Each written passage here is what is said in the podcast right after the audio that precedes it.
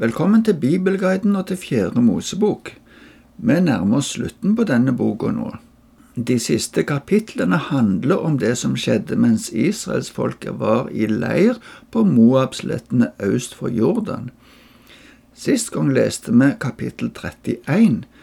Det handler om krigen som Israel hadde imot midianittene etter at de hadde vært med på å friste Israel til avgudsdyrkelse og hor. Israel tok med seg et stort bytte fra krigen. Israel er nå ganske trygge på østsida av Jordan. De folka som bodde i dette området, var beseira, og i kapittel 32 ser vi at det er noen som syns dette landet er så bra at de vil slå seg ned der. Vi leser de første fem versene i dette kapittelet. Rubensønnene og Gadsønnene hadde en stor mengde fe. Da de så de gode beitemarkene i Jaser og Gileadlandet, kom de til Moses og presten Elasar og til lederne i menigheten og sa, Atarot, Dibon, Jaser, Nimra, Heshbon, Elale, Sebam, Nebo og Beon. Disse landområdene som Herren har erobret for Israels menighet, er vel egnet for fedrift, og vi, dine tjenere, har fe.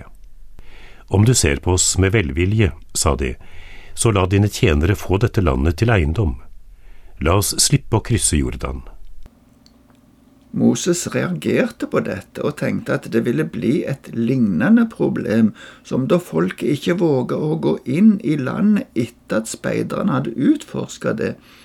Han minner de om det og sier at det vil føre til ulykker. La oss lese hvordan Moses sier dette ifra vers 6 til 15. Moses svarte Gad-sønnene og Ruben-sønnene skal brødrene deres gå i krig mens dere blir i ro her? Hvorfor må dere gjøre hjertet vrangvillig på israelittene, så de ikke vil dra over til det landet Herren har gitt dem? Det samme gjorde fedrene deres da jeg sendte dem fra Kaders Barnea for å se nærmere på landet. Da de hadde vært i Eskoldalen og sett på landet, gjorde de israelittene motløse, så de ikke ville gå inn i landet Herren hadde gitt dem. Den dagen flammet Herrens vrede opp, og han sverget, Ingen av de mennene som dro opp fra Egypt og som er 20 år eller mer, skal se landet jeg sverget å gi til Abraham, Isak og Jakob, for de har ikke fulgt meg trofast. Ingen unntatt Kaleb, sønn av Jefunne av Kenas slekt, og Josva, sønn av Nun. For de har fulgt Herren trofast. Og Herrens vrede flammet opp mot Israel, så han lot dem flakke omkring i ørkenen i 40 år, helt til det døde ut hele det slektsleddet som hadde gjort det som var ondt i Herrens øyne. Se, nå står dere her akkurat som fedrene deres, dere avkom av syndere, og gjør Herrens brennende vrede mot Israel enda større. For hvis dere vender dere bort fra ham, vil han la Israel bli enda lenger i ørkenen, og dere fører ulykke over hele dette folket. Men de forsikra Moses om at de ville være med i krigen.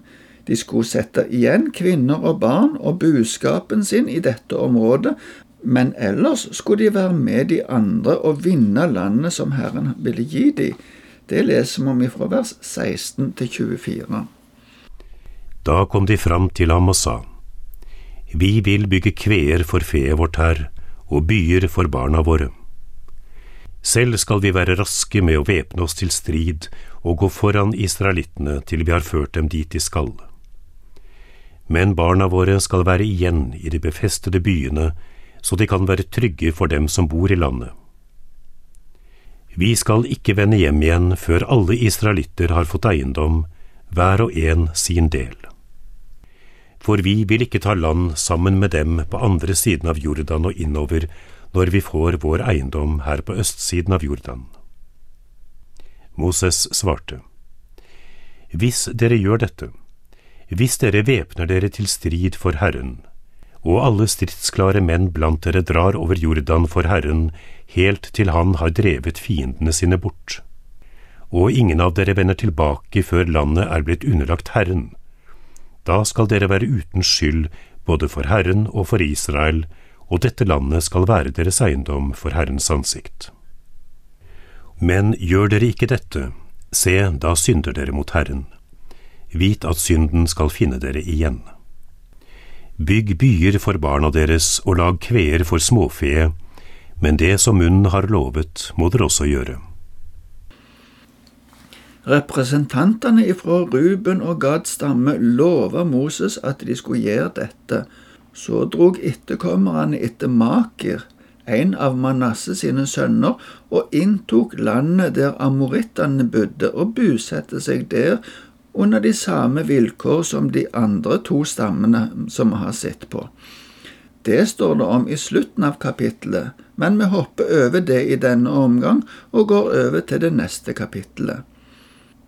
I kapittel 33 kommer det en oppsummering av vandringene som Israel hadde i ørkenen.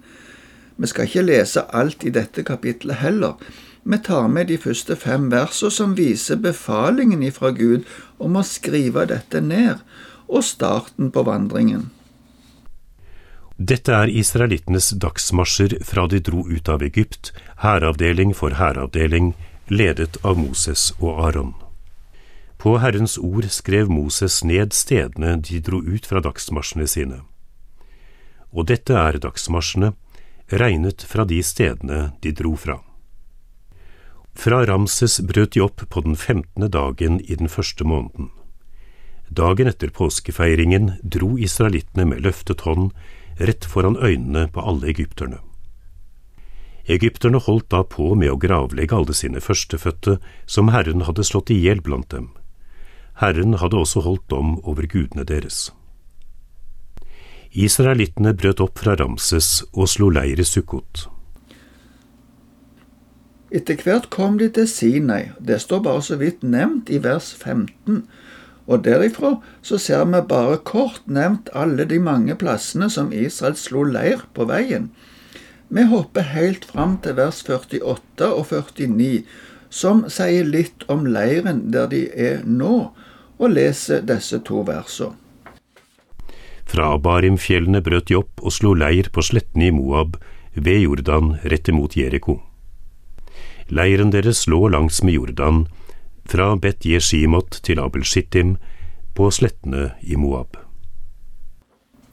Så kommer det en oppsummering om det som Gud sier som vil skje på den andre sida av Jordan, eller kanskje vi skal si hvordan Gud vil at folket skal gå fram når de kommer dit.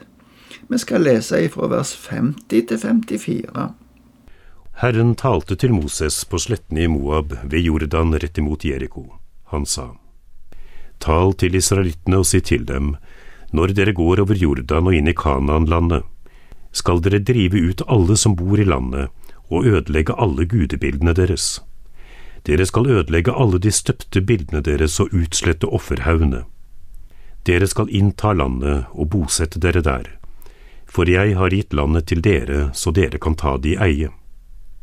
Dere skal fordele landet mellom dere ved loddkasting, slekt for slekt. En stor slekt skal få større eiendom, og en liten slekt mindre eiendom til arv. Hver slekt skal ha det som loddkastingen gir den. Dere skal få arv innenfor den stammen dere tilhører. Gud vil at det landet de skal gå inn i, skal bli fritt for all avgudsdyrkelse og tegn på denne.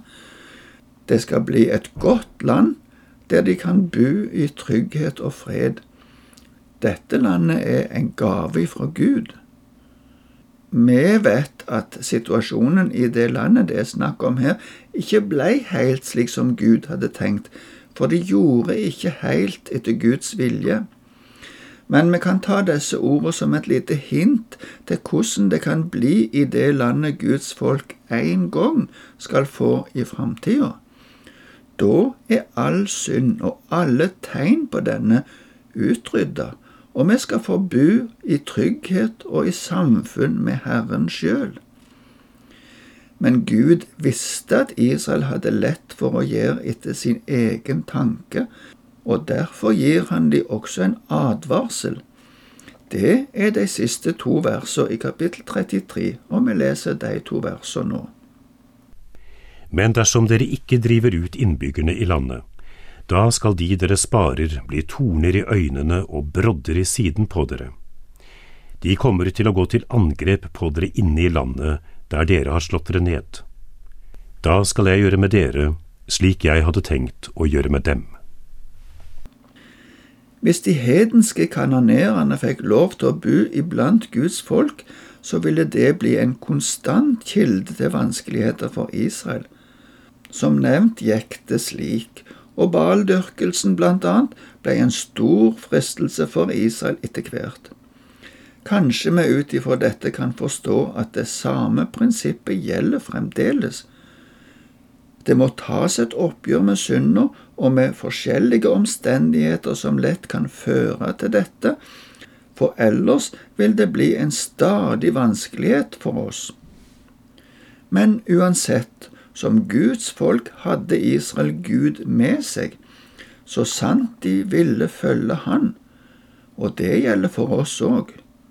Med disse ordene så vil jeg si takk for i dag, og Herren være med deg.